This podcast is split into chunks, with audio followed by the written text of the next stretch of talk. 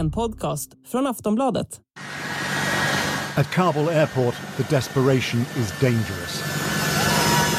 An American military transport plane on the runway this morning, mobbed by Afghans trying to flee their country.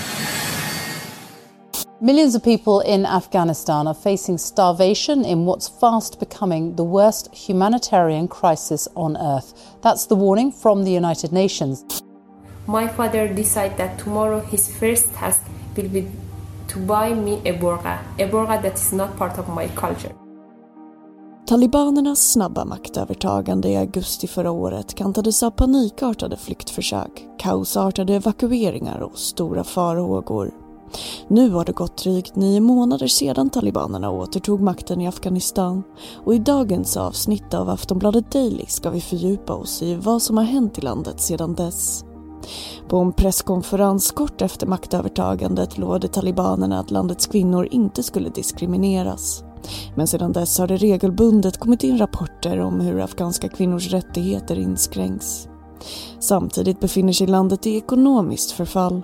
Arbetslösheten är omfattande och i början av året uppskattade FN att över halva befolkningen i Afghanistan hotas av svält. Mitt namn är Ronja de Bor och med mig för att tala om situationen i Afghanistan under talibanstyret finns Anna Ek, Sverigechef för Svenska Afghanistankommittén, som börjar med att i stora drag berätta om hur Afghanistan har förändrats sedan talibanerna tog över makten. Det var ju chockartat för i princip alla.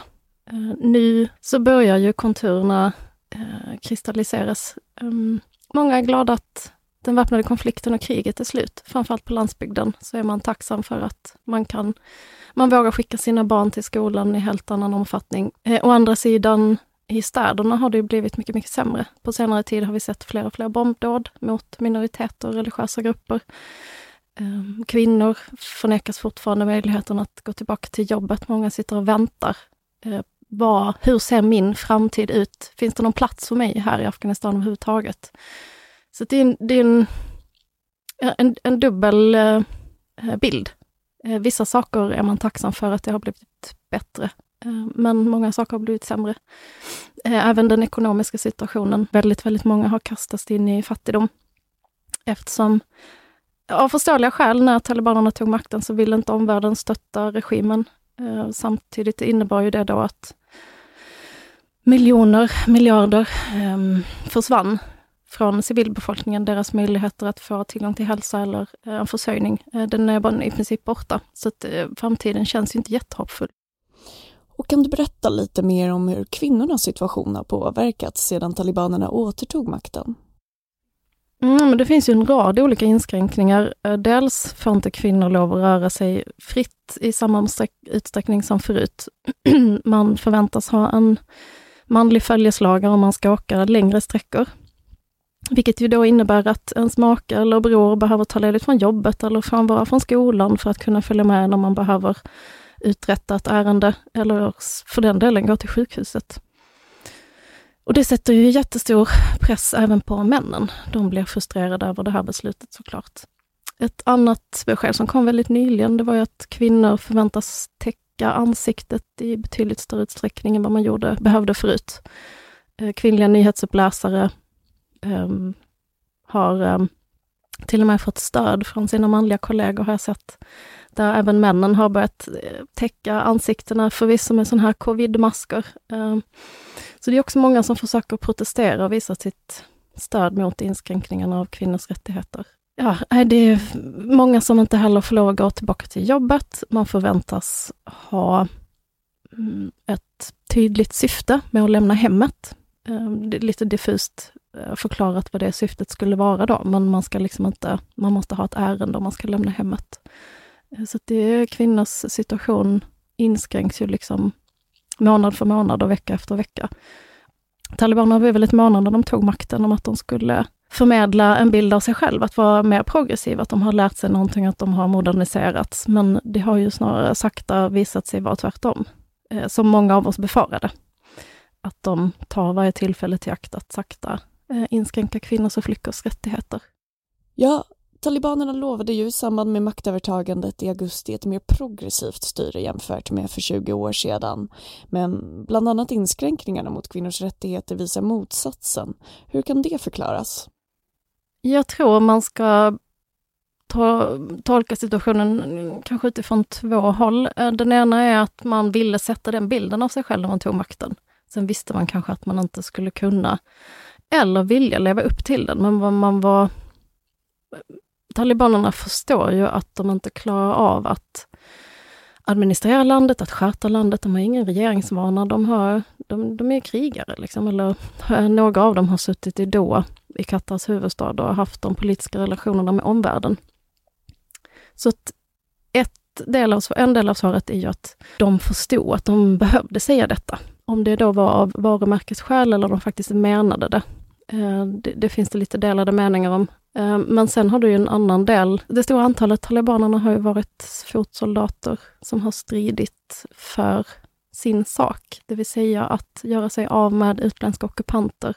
Att göra sig av med vad de då skulle säga dåliga demokratiska eh, värden och kvinnors rättigheter från västvärlden. Och de fotsoldaterna behöver ju också på något sätt då känna att de har vunnit något i sin 20-åriga kamp. Så att jag tror att talibanregimen på något sätt försöker blidka två väldigt motstridiga eh, intressen, eller man ska säga, både omvärldens förväntningar och de som har stridit för talibanregimen i 20 års tid. Och det går ju inte.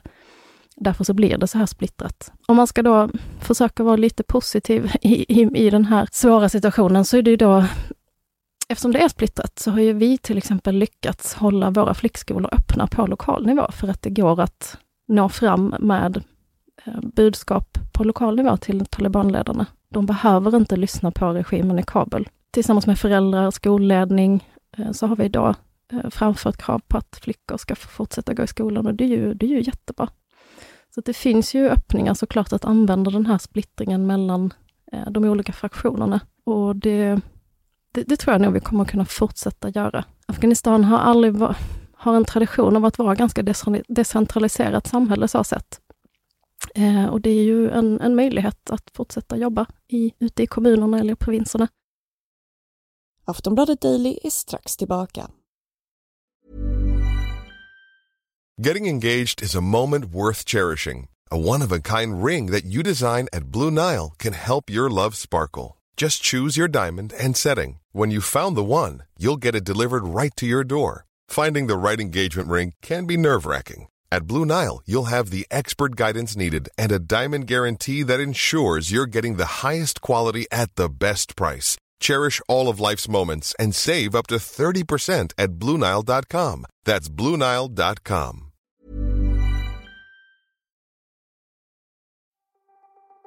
Dramatiska bilder på människor som i panik klamrade sig fast vid plan som lyfter från Kabuls flygplats spreds i samband med att talibanerna tog över huvudstaden.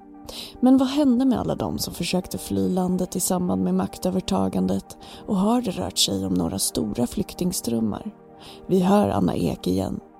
Mm, uh, de som har lyckats ta sig ut via någon form av uh, alltså med någon form av uppehållstillstånd eller löfte om uppehållstillstånd, de är ju försvinnande få. Det är ju, vad kan det vara, en promille liksom av alla de som har flytt. Den stora majoriteten har ju flytt till grannländerna, eh, Pakistan, Iran. Um, så det är ju, och internt i landet såklart. Um, så var det ju redan innan att det, det var ju flera miljoner eh, på flykt internt i landet. Vilket ju också skapar liksom svårigheter. Um, det, på tal om att det redan är ett väldigt fattigt land. Um, det skapar också lokala konflikter, eller riskerar att skapa lokala konflikter. Men just de dramatiska bilderna, det var ju hemska uh, scener att se folk som klamrade sig fast vid flygplan och annat. De, det är ju väldigt få som har lyckats ta sig ut den säkra vägen. Och som du var inne på tidigare så har många länder fryst biståndet till Afghanistan som varit väldigt bidragsberoende. Hur har landet påverkats ekonomiskt sedan talibanerna tog över? Ja, men landet har ju kastats, det var ju redan stora problem och utmaningar med fattigdom sedan innan. Eh, och det har ju bara förstärkts och kastats ner i fattigdom i raketfart. Eh, det bor någonstans mellan 35 och 38 miljoner eh, i landet. man beräknar att ungefär 20 miljoner vet inte när de ska få, hur de ska få tag på nästa måltid. Ehm, det är varannan människa, varannan person.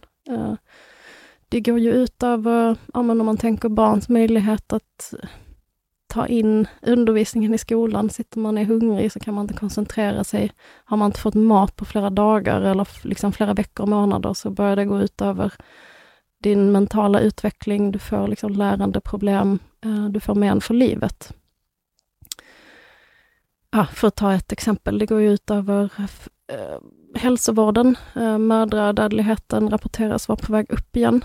Eh, delvis också för att talibanerna har infört rörelseinskränkningar för kvinnor. Men det finns ju kliniker som har fått stänga. Eh, våra är öppna, våra barnmorskor fortsätter att komma till jobbet och vi utbildar även, vi har utbildat ungefär 400 barnmorskor hittills. Eh, men det är på alla, alltså i alla delar av samhället har ju känt av den här eh, ekonomiska förändringen. Talibanerna har ju sedan början vädjat om fortsatt bistånd. Ser du möjligheter till det? Alltså det som... Det, det svåra är ju, jag har svårt att se att omvärlden skulle börja kanalisera bistånd till den afghanska staten igen och det kanske man inte heller ska göra. Eh, inte i nuläget i alla fall, utan det är alldeles för långt bort vad gäller eh, hur man stöttar och efterlever minoriteters kvinnor och kvinnors rättigheter. Men däremot så finns det ju, man får arbeta via FN-organen eh, eller andra organisationer som finns på plats, eh, bland annat vi Eh, på Svenska Afghanistankommittén. Eh, vi finns i ungefär hälften av landets provinser och driver arbete inom skola och hälsa och landsbygdsutveckling. Eh, och det är klart att vi bara får försöka hitta sätt att fortsätta arbeta. För det är ju, det är ju vårt löfte till den afghanska befolkningen att vi ska stanna kvar så länge vi behövs och det tänker vi göra allt vi kan för att göra. Och hur ser du på Afghanistans framtid? Alltså många är ju fortfarande väldigt, väldigt eh, deprimerade och ledsna.